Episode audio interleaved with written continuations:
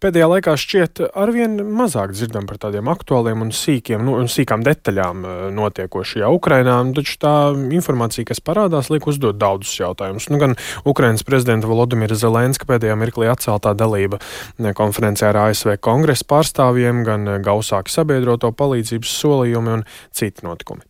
Kas notiek Ukrainā un cik daudz informācijas par tur notiekošo nonāk līdz cilvēkiem citviet pasaulē? Par šiem jautājumiem, kā arī par Krievijas smagos kara noziegumos apsūdzētā prezidenta Vladimira Putina draudiem Baltijai un kara Ukrainā gaitu šajā mirklī sarunāsimies ar NATO strateģiskās komunikācijas izcilības centra vadītāju Jāni Sārtu. Labrīt! Labrīt! Nu, ievadā minējām, ka tādā sajūta līmenī šķiet, ka retāk dzirdam tādu sīku un smalku izklāstu par notiekošo Ukrainā, gan tās politikā, gan frontē.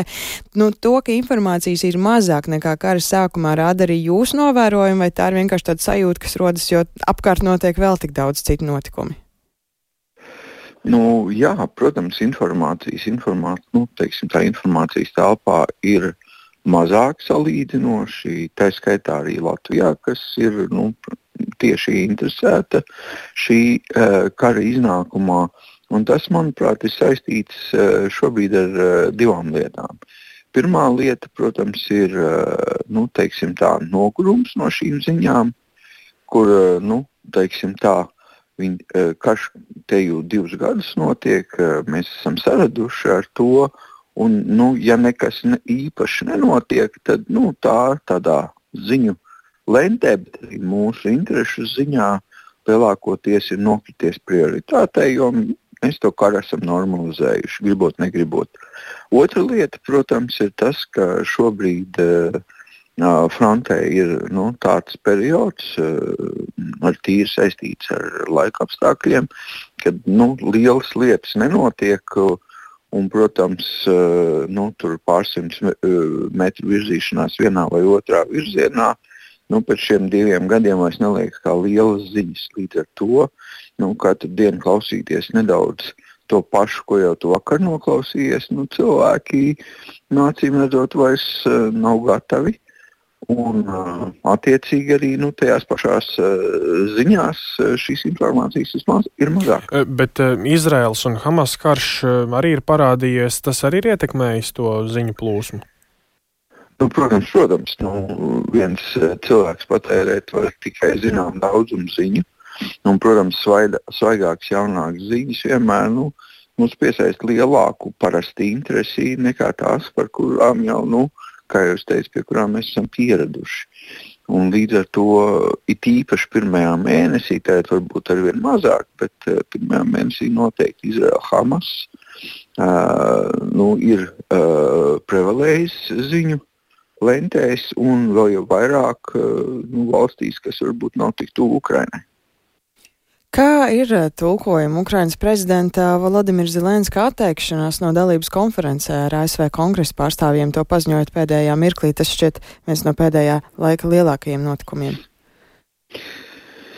Nu, prezidents Zelenskis ir, eh, nu, es domāju, šo gadu laikā jau mums ir pazīstams ar šādiem, nu, teiksim tā, spējiem, varbūt nedaudz emocionāliem lēmumiem. Un nu, visnoteikti tas fons tam visam ir tas, ka ASV nav spējusi atkal uh, vienoties par uh, jaunu palīdzības uh, nu, teiksim, naudas piešķiršanu Ukrainai. Un, nu, jā, nu, droši vien šis ir tas fons, uz kura mm, šis lēmums ir bijis pieņemts. Vai nu, tas ir racionāls? Nu, es laikam šaubītos, bet nu, uh mhm. -huh. jā.